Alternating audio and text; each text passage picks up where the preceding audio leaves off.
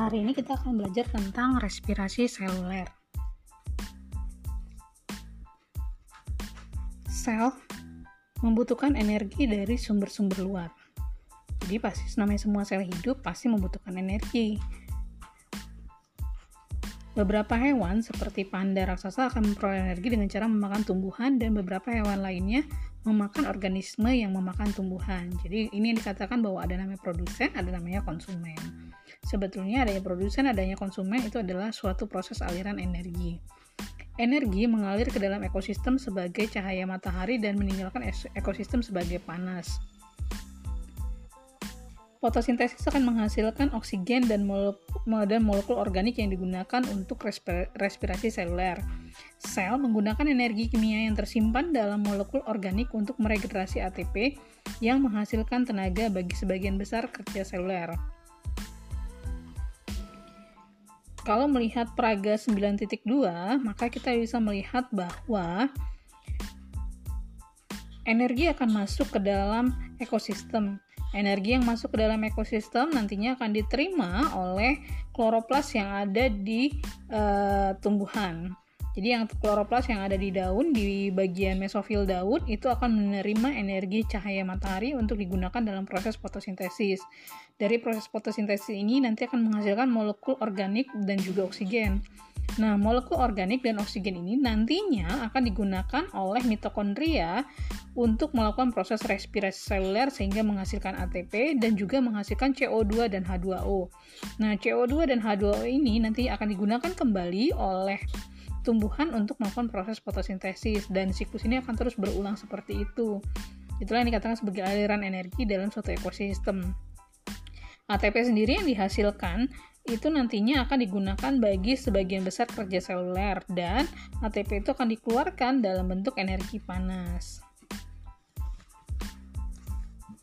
jalur katabolik energi akan menghasil akan dihas, uh, jalur katabolik menghasilkan energi dengan cara mengoksidasi bahan-bahan organik beberapa proses bersifat sentral bagi respirasi seluler dan bagi jalur yang terkait dengannya.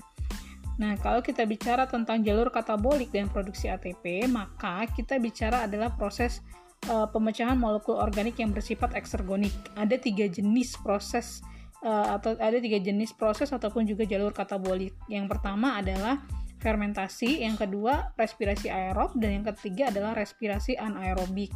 Eh, ketiga-tiganya akan menghasilkan ATP. Jadi tujuannya adalah baik fermentasi, respirasi aerobik dan juga respirasi anaerobik adalah untuk menghasilkan ATP. Yang membedakan ketiganya adalah kalau fermentasi ini menguraikan gula sebagian uh, merupakan penguraian gula sebagian yang terjadi adalah tanpa penggunaan oksigen. Jadi di sini khasnya adalah kalau namanya fermentasi pasti tidak menggunakan oksigen. Untuk respirasi aerob, dia akan mengkonsumsi molekul organik dan oksigen untuk bisa menghasilkan ATP. Jadi khas namanya respirasi aerobik pasti menggunakan ATP eh menggunakan oksigen untuk bisa menghasilkan ATP. Nah, bedanya dengan respirasi anaerobik ini serupa dengan respirasi aerob. Jadi dia e, berlangsungnya juga dalam kondisi ada oksigen namun dia tidak menggunakan oksigen tersebut untuk menghasilkan ATP. Nanti di belakang akan terlihat perbedaannya. Istilah respirasi seluler ini mencakup proses anaerobik dan aerobik. Namun, istilah respirasi seluler kerap digunakan untuk menyebut proses aerobiknya saja.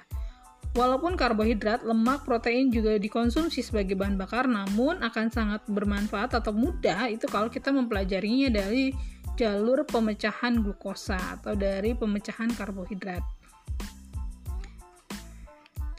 Nah, kalau kita tahu bahwa glukosa itu adalah C6H12O6, dengan adanya glukosa ini dan bantuan dari molekul oksigen sebanyak 6, bu 6 buah, maka akan menghasilkan 6 CO2 plus 6 H2O serta energi dalam bentuk ATP dan juga panas. Secara umum, tahapan-tahapan respirasi seluler itu ada tiga. Jadi tahapannya ada tiga. Yang pertama adalah glikolisis, yang kedua siklus asam sitrat, yang ketiga adalah fosforilasi oksidatif. Ingat ya, fosforilasi oksidatif. Nah, di sini kalau kita bicara uh, glikolisis, glikolisis itu adalah proses menguraikan glukosa menjadi dua molekul senyawa piruvat. Jadi ini tahapan awal glukosa dipecah menjadi dua molekul piruvat. Kemudian dua molekul piruvat itu nantinya akan uh, masuk ke dalam proses dekarboksilasi oksidatif untuk dirombak menjadi asetil CoA sehingga nanti asetil CoA itu bisa masuk ke dalam siklus asam sitrat untuk penyelesaian penguraian glukosa. Nah, fosforilasi oksidatif sendiri akan bertanggung jawab dalam sebagian besar sintesis ATP. E, melihat gambar Praga 9.6, kita bisa melihat bahwa di sini prosesnya adalah untuk glikolisis itu mengubah glukosa menjadi pirufat, menghasilkan ATP melalui fosforilasi tingkat substrat dan juga menghasilkan elektron yang akan diangkut melalui NADH. Nah, proses ini berlangsungnya di sitosol. Pirufat yang dihasilkan nanti akan dibawa masuk ke dalam matriks mitokondria. Inilah yang dikatakan kenapa dia membutuhkan oksigen karena pirufat ini membutuhkan uh, jadi pembawa ya, untuk masuk ke dalam mitokondria. Kotransporternya itu adalah berupa oksigen. Nah, kemudian uh, artinya proses ini hanya bisa berlangsung kalau ada oksigen.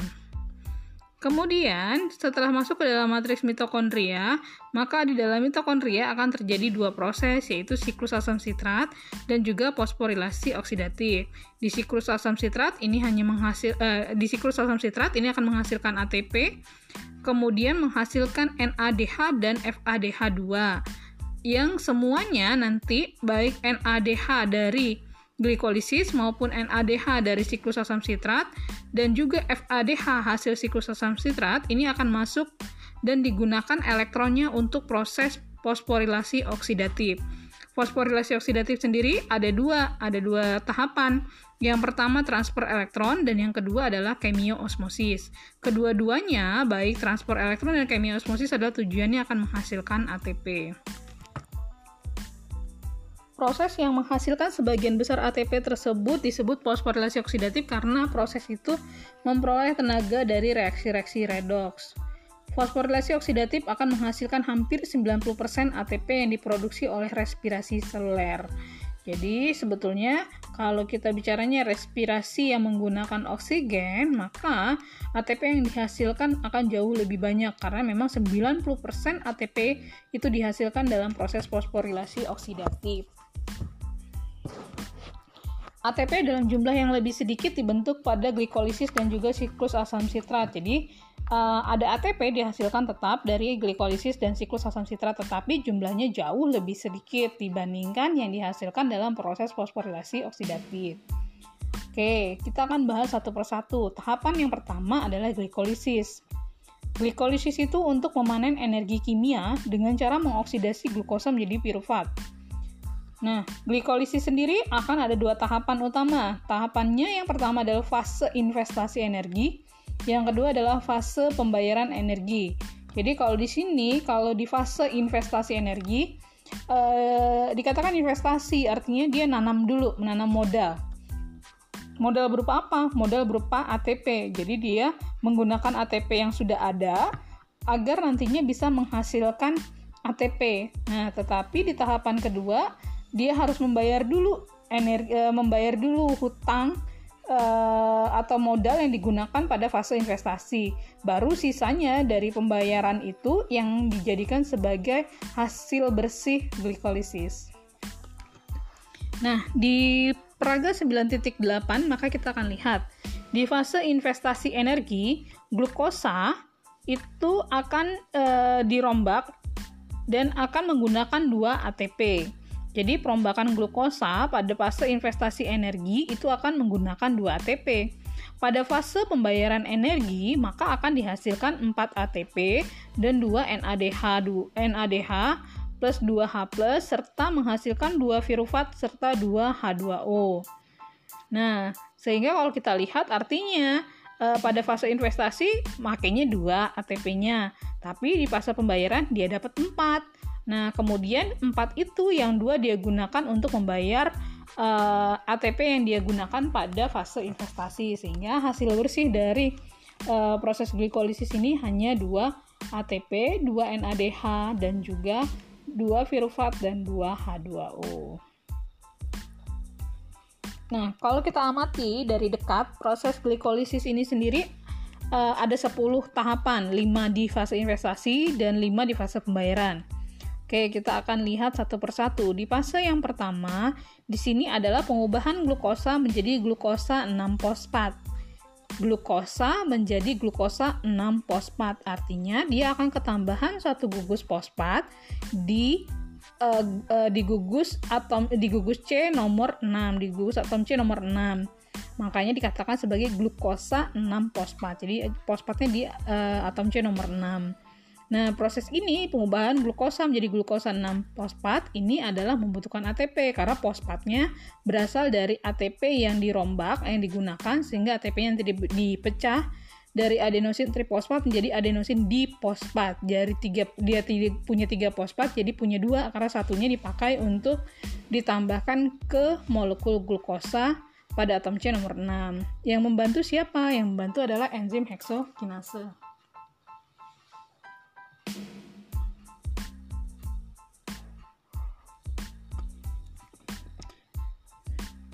Tahapan kedua ini adalah glukosa 6-fosfat diubah menjadi fruktosa 6-fosfat.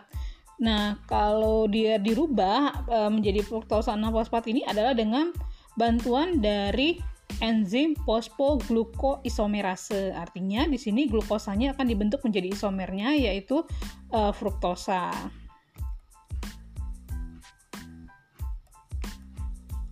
Selanjutnya, fruktosa 6-fosfat ini akan diubah menjadi fruktosa 1,6 bifosfat dengan bantuan enzim fosfofruktokinase.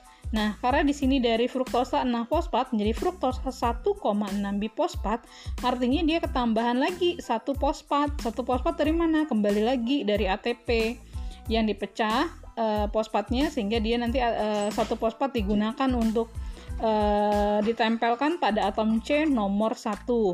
Makanya dikatakan sebagai fruktosa 1,6 bifosfat.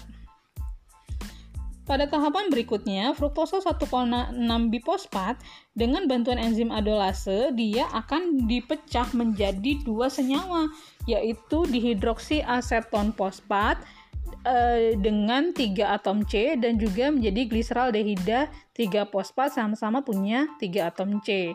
Dan keduanya baik dihidroksiaseton fosfat dan gliseraldehida iso, uh, gliseraldehida 3 fosfat ini merupakan isomer.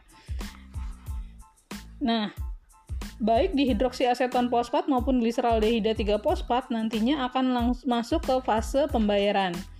Nah, eh, di sini di tahapan ke-6 kalau dilihat di tahapan ke-6 di setiap e, 6 sampai 10 di setiap sisi kirinya akan ada tulisan angka 2. Kenapa di sini ada tulisan angka 2? Karena memang dikali 2. Karena e, yang dijelaskan ini adalah hanya dari jalur gliseral dehida 3 fosfat, tapi kita perlu ingat di, di tahapan kelima tadi kan ada dihidroksi aseton fosfat yang juga bisa diubah menjadi gliseraldehida 3 fosfat juga untuk bisa melanjutkan ke jalur nomor 6 sampai 10. Makanya nanti ditulisnya dikali 2. Nah, lanjut ya. Gliseraldehida 3 fosfat ini akan diubah menjadi 1,3 bifosfogliserat. Ya, dia akan diubah menjadi 1,3 bifosfogliserat dengan bantuan enzimnya adalah triosa fosfat dehidrogenase. Nah, di sini dia akan e, ketambahan fosfat ketambahan fosfat di atom C nomor 1. Tadinya kan punya fosfat di atom C nomor 3. Kemudian ketambahan fosfat di atom C nomor 1, makanya dia menjadi 1,3 bifosfogliserat. Kemudian uh, di sini dia akan uh, dia akan menghasilkan NADH. NADH yang dihasilkan dari satu jalur adalah uh, satu NADH karena gliseraldehida 3 fosfat itu bisa juga dihasilkan dari uh, dihidroksiaseton fosfat, maka dia dikali 2 NADH-nya. Lanjut, kemudian 1,3 bifosfogliserat dengan bantuan enzim fosfoglu, uh, fosfogliserokinase akan menjadi 3 fosfogliserat. Artinya di sini dia kehilangan satu fosfat. Tapi ini kan ada dua dikali dua, maka berarti ada dua fosfat yang hilang. Dua fosfat yang hilang itu yang akan menempel pada ADP sehingga ADP menjadi ATP. Di sini dihasilkanlah dua ATP. Tiga fosfogliserat pada tahapan ke-8 akan diubah menjadi dua fosfogliserat. Artinya fosfatnya pindah dari uh, atom C nomor 3 ke atom C nomor 2 dengan bantuan dari fosfogliseromutase. Di tahapan ke-6, eh sorry, di tahapan ke-9, dua fosfogliserat akan diubah menjadi fosfoenol piruvat dengan melepaskan 2 H2O dengan bantuan enzim en enolase. Tahapan terakhir, fosfoenol pirufat akan diubah menjadi pirufat dengan bantuan pirufat kinase. Di sini fosfatnya sudah lepas juga. Di pirufat itu tidak punya lagi gugus fosfat dan ingat karena dikali dua maka fosfat yang lepas juga dua dan kedua fosfat tersebut itu akan menempel kembali pada ADP sehingga ADP menjadi ATP. Di sini dihasilkan berarti dua ATP. Nah, makanya tadi kan jadi jelas bahwa ATP yang dihasilkan ada 4 pada fase pembayaran, sedangkan pada fase investasi ada 2. Oke, lanjut.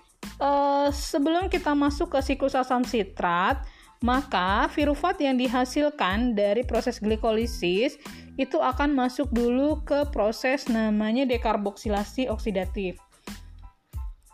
Karena kenapa dia harus masuk dulu ke dalam proses dekarboksilasi oksidatif? Sebab pirufat harus diubah dulu menjadi asetil CoA yang merupakan persambungan antara siklus asam sitrat dengan glikolisis. Nah, di sini di gambaran Praga 9.10 kita bisa lihat bahwa uh, pirufat ini dengan bantuan adanya oksigen dia bisa dibawa masuk ke dalam matriks mitokondria. Di dalam matriks mitokondria inilah, maka virufat nanti akan melepaskan gugus CO2-nya. Ada yang bagian warna abu-abu di bagian atas, jadi CO2-nya lepas. Kemudian dia akan ketambahan gugus koenzim A. Kemudian dia juga akan mendapatkan satu H, e, melepaskan satu H plusnya. E, kemudian H plus itu akan menempel pada NADP, NAD plus sehingga menghasilkan NADH. Nah, kemudian dari proses pelepasan dari CO2 dan koenzim A, ini, pelepasan CO2 dan ketambahan eh, ketambahan gugus koenzim A maka akan menghasilkan asetil CoA.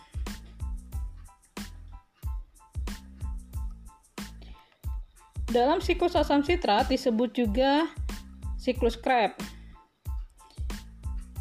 Dan proses baik siklus Krebs atau sering disebut juga dengan Siklus asam sitrat ini e, berlangsungnya di dalam matriks mitokondria. Siklus tersebut akan mengoksidasi bahan-bahan organik yang berasal dari pirufat, menghasilkan 1 ATP, 3 NADH, dan 1 FADH2 per putaran.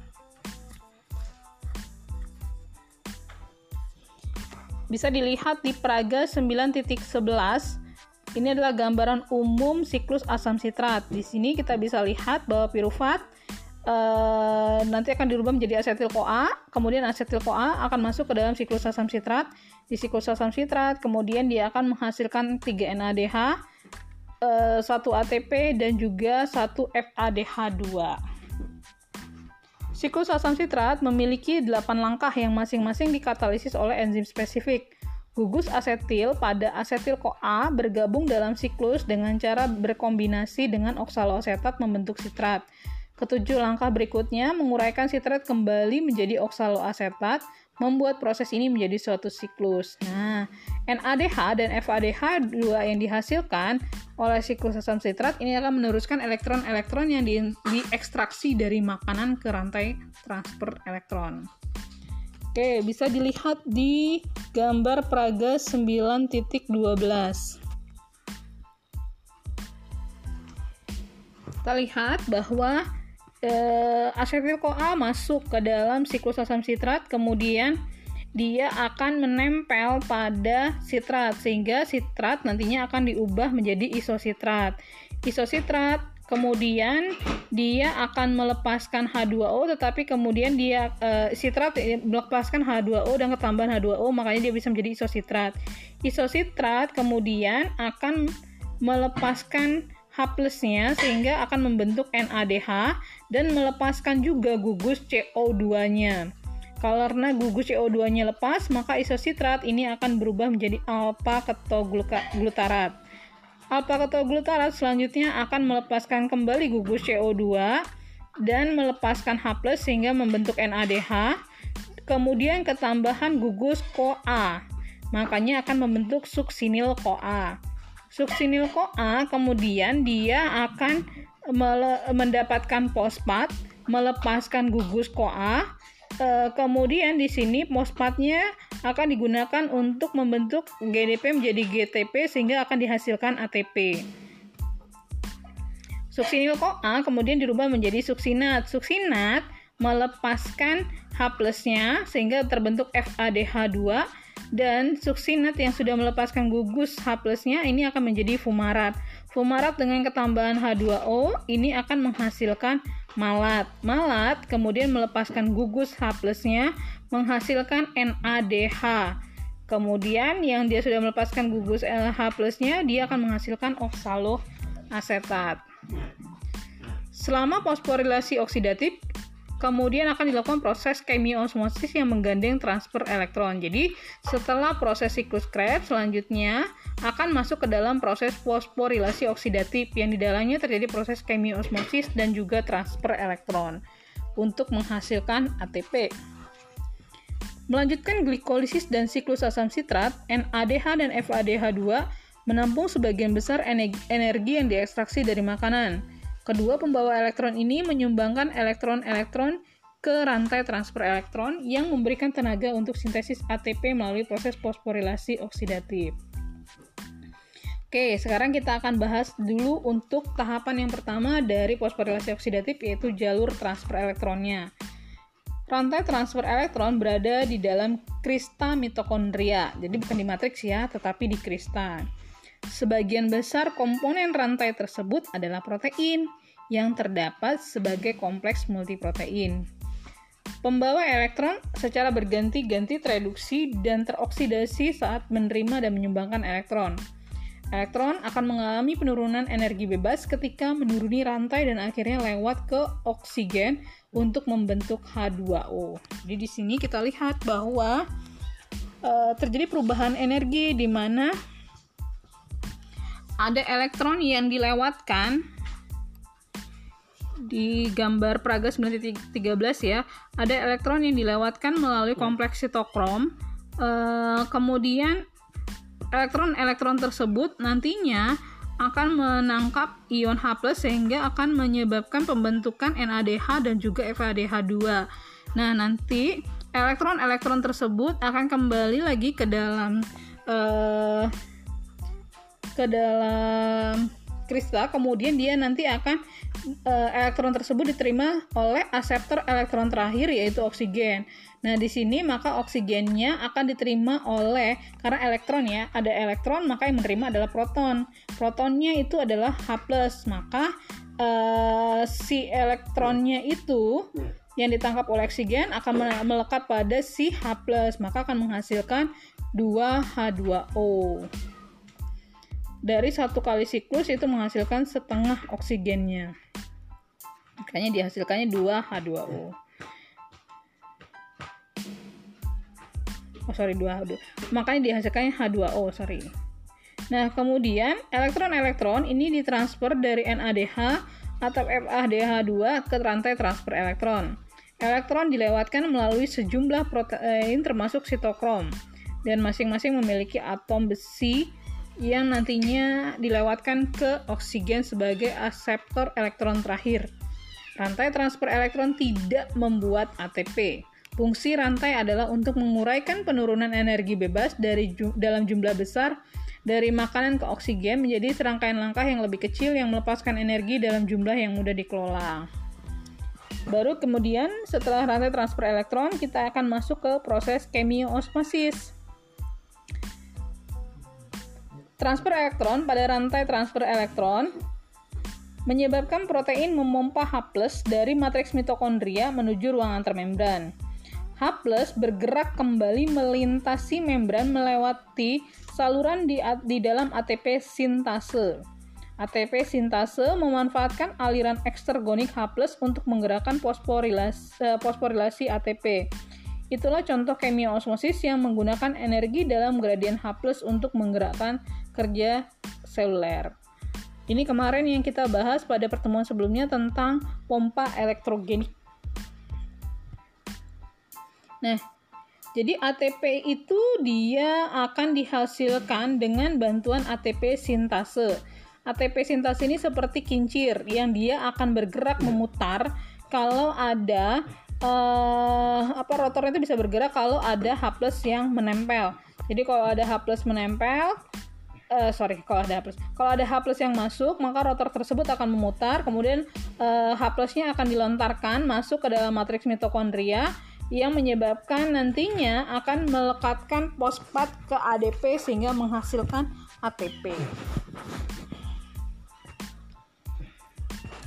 Energi yang tersimpan dalam gradien H plus di kedua sisi membran menggandeng, energi, eh, menggandeng reaksi redoks pada rantai transfer elektron dengan sintesis ATP. Gradien H+ disebut sebagai gaya gerak proton dengan menekankan pada kapasitas gradien untuk melakukan kerja. Lihat gambar Praga 9.16. Bagaimana kimia osmosis menggandeng rantai transfer elektron dengan proses sintesis ATP. Kita lihat bahwa NADH, jadi yang di sini digunakan adalah elektron dari uh, eh, NADH dan juga FADH2. NADH-nya baik yang dihasilkan dari proses glikolisis dekarboksilasi oksidatif maupun dari dari siklus Krebs. Uh, kemudian FADH-nya tadi dihasilkan dari siklus Krebs. Nah, elektron-elektron ini nantinya untuk NADH dia akan melewati tiga kompleks sitokrom. Jadi dia akan dipompakan tiga kali H plusnya ke ruang antar membran kemudian nanti akan dikembalikan lagi ke dalam matriks mitokondria. Uh, di sini nanti berarti ada tiga atom hidrogen yang menggerakkan uh, eh, ATP sintase sehingga akan menghasilkan 3 ATP atau setara dengan 3 ATP. Sebenarnya tidak pas 3 ATP ya, tapi dianalogikan seperti itu karena dia tiga kali memutarkan. Kemudian kalau untuk FADH2 dia hanya dua kali melewati kompleks sitokrom. Makanya di sini nantinya hanya dua kali dia masuk ke dalam ATP sintase menggerakkan ATP sintase sehingga hanya dua ATP yang dihasilkan atau setara dengan dua ATP ya jadi proses eh, proton dipompakan keluar ke, eh, ke ruangan termembran itu adalah proses rantai transfer elektron. Sedangkan proses pengembalian eh, proton masuk kembali ke dalam Matriks mitokondria ini adalah melalui ATP sintase sehingga menghasilkan ATP. Ini adalah proses kemiosmosis. Tapi keduanya, baik rantai transfer elektron maupun kemiosmosis itu adalah proses fosforilasi oksidatif.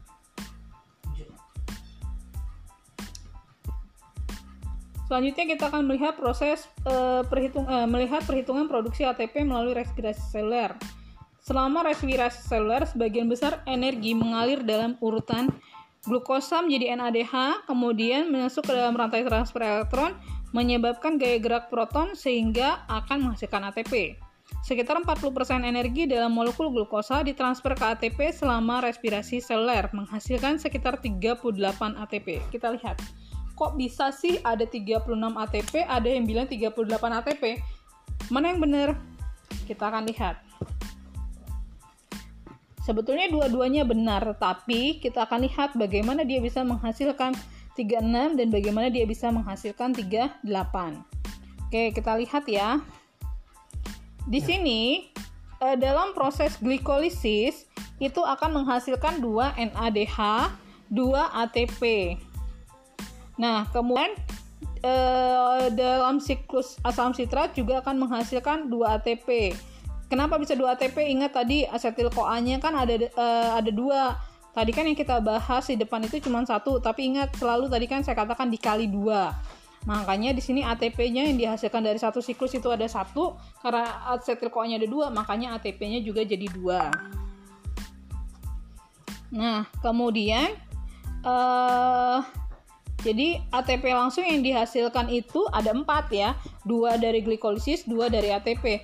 ATP yang lain seperti tadi katakan bahwa 90% ATP ini diproduksi dalam proses fosforilasi oksidatif e, dengan mekanisme transfer elektron yang akan memompakan proton, kemudian protonnya masuk lagi melalui ATP sintase pada proses kemiosmosis ini akan menghasilkan ATP terbesar.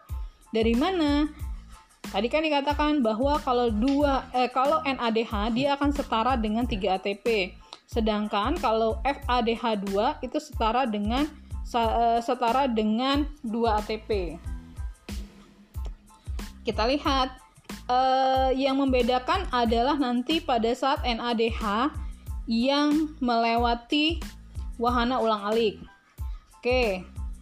Kalau dalam eh, dalam wahana ulang-alik NADH-nya itu tidak diubah, artinya dia tetap dalam bentuk NADH, maka nantinya akan menghasilkan 3 ATP. Kita hitung ya.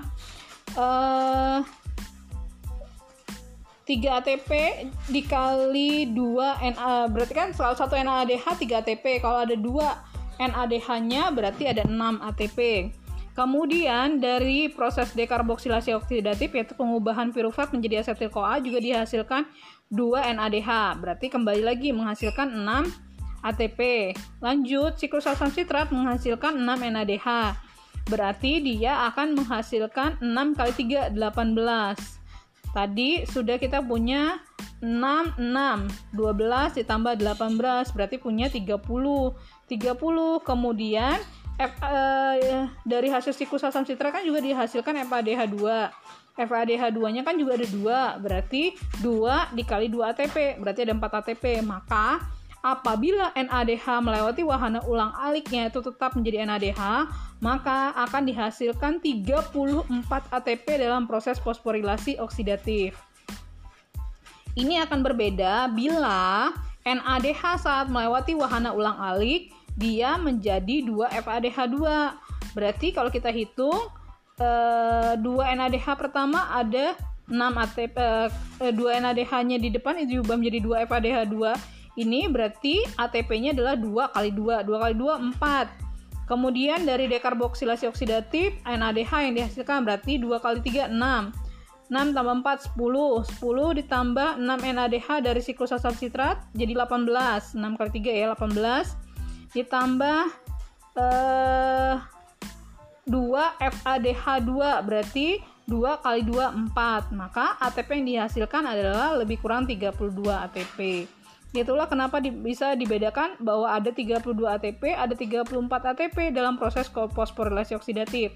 Nah nantinya ATP dari fosforilasi oksidatif ini akan ditambahkan juga dengan ATP yang dihasilkan langsung dari proses glikolisis dan juga siklus asam sitrat. Makanya hasil akhir maksimum per glukosa itu bisa 36 atau 38 ATP. Lanjut, yang selanjutnya adalah proses fermentasi dan respirasi aerobik. Nah, fermentasi dan respirasi aerobik ini akan menghasilkan ATP tapi tanpa menggunakan oksigen. Beda dengan tadi ya, yang tadi kalau respirasi aerobik dia membutuhkan oksigen, menggunakan oksigen. Tapi kalau pada fermentasi dan respirasi anaerobik dia tidak menggunakan oksigen untuk menghasilkan ATP. Sebagian besar respirasi seluler membutuhkan oksigen untuk menghasilkan ATP ya. Jelas tadi kalau ada oksigen, ATP yang dihasilkan besar bisa 36 ataupun 38 ATP. Glikolisis ini dapat menghasilkan ATP dengan atau tanpa oksigen dalam kondisi aerobik atau uh, dalam kondisi anaerobik. Tanpa oksigen, glikolisis akan bergandengan dengan fermentasi. Jadi kalau nggak ada oksigen, tidak bisa respirasi. Dia harus mengalami proses namanya fermentasi dan juga respirasi anaerobik. Jadi respirasi aerob hanya kalau ada oksigen. Kalau tidak ada oksigen, fermentasi atau respirasi anaerob untuk pilihan menghasilkan ATP-nya. Respirasi anaerobik ini akan menggunakan rantai transfer elektron dengan penerima elektron selain oksigen, misalnya sulfat. Jadi ingat tadi dalam rantai transfer elektron kan uh, aseptor elektron terakhirnya adalah oksigen. Nah, bedanya kalau pada respirasi anaerob reseptor elektron terakhirnya bukan oksigen. Jadi selain senyawa oksi, eh, selain uh, oksigen bisa sulfat atau yang lain. Nah, sedangkan kalau fermentasi dia tidak menggunakan rantai transfer elektron melainkan melakukan proses fosforilasi untuk menghasilkan ATP. Jadi kalau pada proses respirasi anaerob dengan respirasi aerob eh, itu prosesnya sama sama-sama ada proses glikolisis dia nanti juga dibawa masuk ke dalam matriks mitokondria piruvatnya dia mengalami siklus Krebs uh, dia mengalami rantai transfer elektron tetapi pada rantai transfer elektron aseptor elektron terakhirnya bukan oksigen. Misalnya sulfat makanya bisa menghasilkan nanti bukan H2O tetapi H2S contohnya seperti itu Nah, tapi kalau pada fermentasi dalam kondisi betul-betul tidak ada oksigen, jadi dia tidak pernah bisa membawa virufatnya masuk ke dalam matriks mitokondria.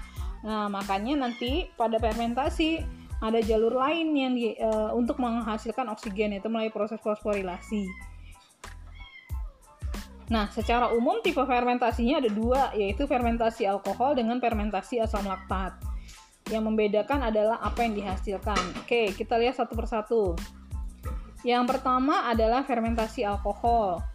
Di fermentasi alkohol, glikolisis eh, akan mengubah glukosa menjadi dua asam pirufat. Kemudian, dua asam pirufatnya akan melepaskan dua gugus CO2 sehingga menghasilkan dua asetaldehida. Nah, ini prosesnya tetap berlangsung di sitosol karena dia tanpa oksigen berarti tidak bisa masuk ke dalam matriks mitokondria. Tidak ada kotransporternya untuk membawa asam pirufat masuk.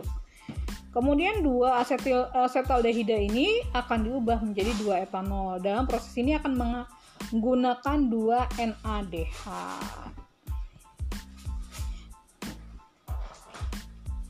NADH-nya dari mana? Dari proses glikolisis. Jadi glikolisis kan menghasilkan ATP dan menghasilkan NADH, tetapi NADH-nya sendiri nanti akan digunakan untuk mengubah dua asetaldehida menjadi dua etanol. Makanya hasil bersih dari fermentasi alkohol itu hanya dua ATP dan juga akan menghasilkan alkohol dalam bentuk etanol. Kemudian pada fermentasi asam laktat Pirufat direduksi oleh NADH untuk membentuk laktat sebagai produksi air tanpa pelepasan CO2. Fermentasi asam laktat oleh beberapa fungi dan bakteri digunakan untuk membuat keju dan yogurt. Sel otot manusia menggunakan fermentasi asam laktat untuk menghasilkan ATP ketika oksigen sulit diperoleh. Oke, kita lihat gambarannya fermentasi asam laktat. Jadi glukosa dirubah menjadi asam pirufat dalam proses glikolisis menghasilkan ATP dan juga menghasilkan NADH. Nah, kembali lagi NADH di sini digunakan lagi untuk mengubah piruvatnya menjadi asam laktat, tapi di sini tidak melepaskan CO2. Makanya tidak ada gas yang dihasilkan dalam fermentasi asam laktat, beda dengan fermentasi alkohol pasti menghasilkan gas. Gasnya adalah berupa CO2. Jadi, uh, untuk perbandingan fermentasi dengan respirasi aerobik, kedua proses tersebut menggunakan glikolisis untuk mengoksidasi glukosa dan bahan-bahan bakar organik lainnya menjadi pirufat.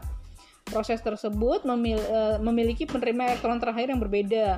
Molekul organik seperti pirufat atau asetaldehida pada fermentasi dan oksigen pada respirasi seluler. Respirasi seluler akan menghasilkan 38 ATP per molekul glukosa, fermentasi hanya menghasilkan 2 ATP per molekul glukosa.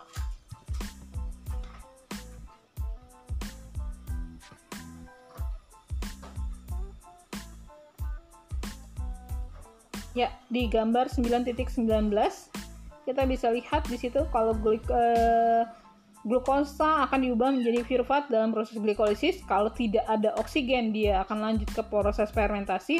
Fermentasinya bisa etanol atau asam laktat. Kemudian kalau ada oksigen, dia bisa lanjut ke respirasi aerob atau respirasi anaerob. Nanti kalau lanjut ke respirasi anaerob, maka penerima elektron terakhirnya bukan oksigen, jadi senyawa selain oksigen. Kalau untuk yang respirasi aerob, aseptor elektron terakhirnya adalah berupa oksigen.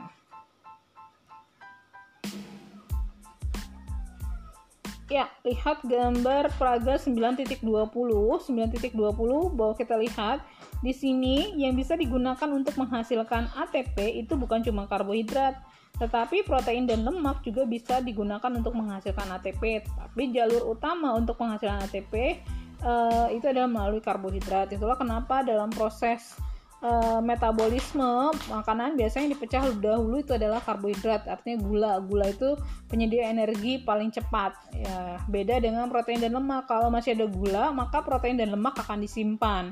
Kalau uh, dalam kondisi um, tidak tersedia gula proses metabolismenya bisa berlangsung dengan merombak protein dan lemak nah protein dan lemak ini untuk bisa masuk ke dalam proses uh, respirasi seluler, yeah. maka protein dipecah dulu menjadi asam amino, sedangkan lemak dipecah menjadi gliserol dan asam lemak. Kemudian sama ya proses selanjut selanjutnya dia bisa nanti akan diubah juga menjadi asetil CoA baru masuk ke dalam siklus asam sitrat. Tapi kalau gliserol dia dirubah dulu menjadi gliseraldehida 3 fosfat, kalau asam lemak bisa langsung diubah menjadi asetil CoA.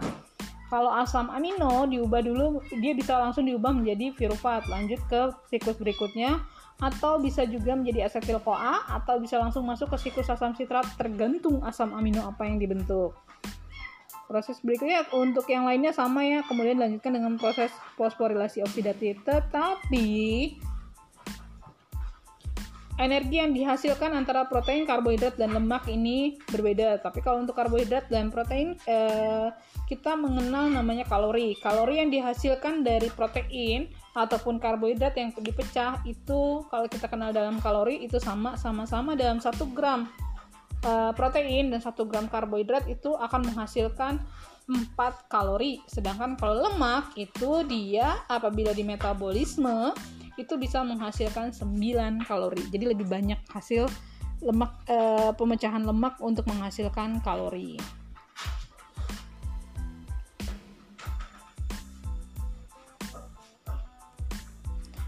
Terakhir adalah mekanisme pengontrolan respirasi seluler. Jadi, proses respirasi seluler itu ada mekanisme umpan balik.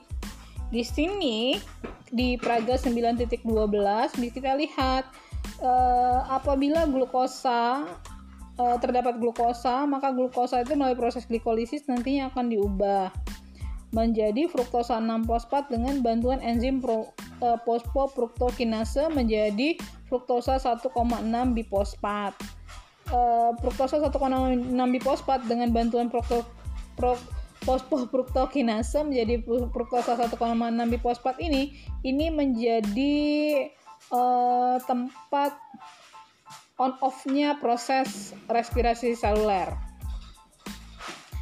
Apabila apabila ada AMP, maka akan merangsang dihasilkannya fosfofruktokinase.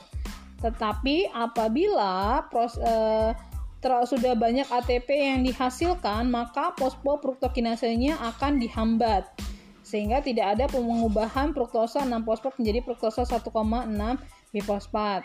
Beda ya dengan tadi kalau ada AMP maka fruktokinase fosfofruktokinasenya akan dirangsang e, untuk bekerja sehingga terjadi pengubahan fruktosa 6 fosfat menjadi fruktosa 1,6 bifosfat. Nah, juga kalau sudah dihasilkan sitrat dalam siklus asam sitrat, ini juga akan menjadi penghambat kerja dari fosfofruktokinase sehingga tidak akan terjadi pengubahan fruktosa 6 fosfat menjadi fruktosa 1,6 bifosfat. Jadi dia juga akan berhenti di sini. Jadi prosesnya begitu.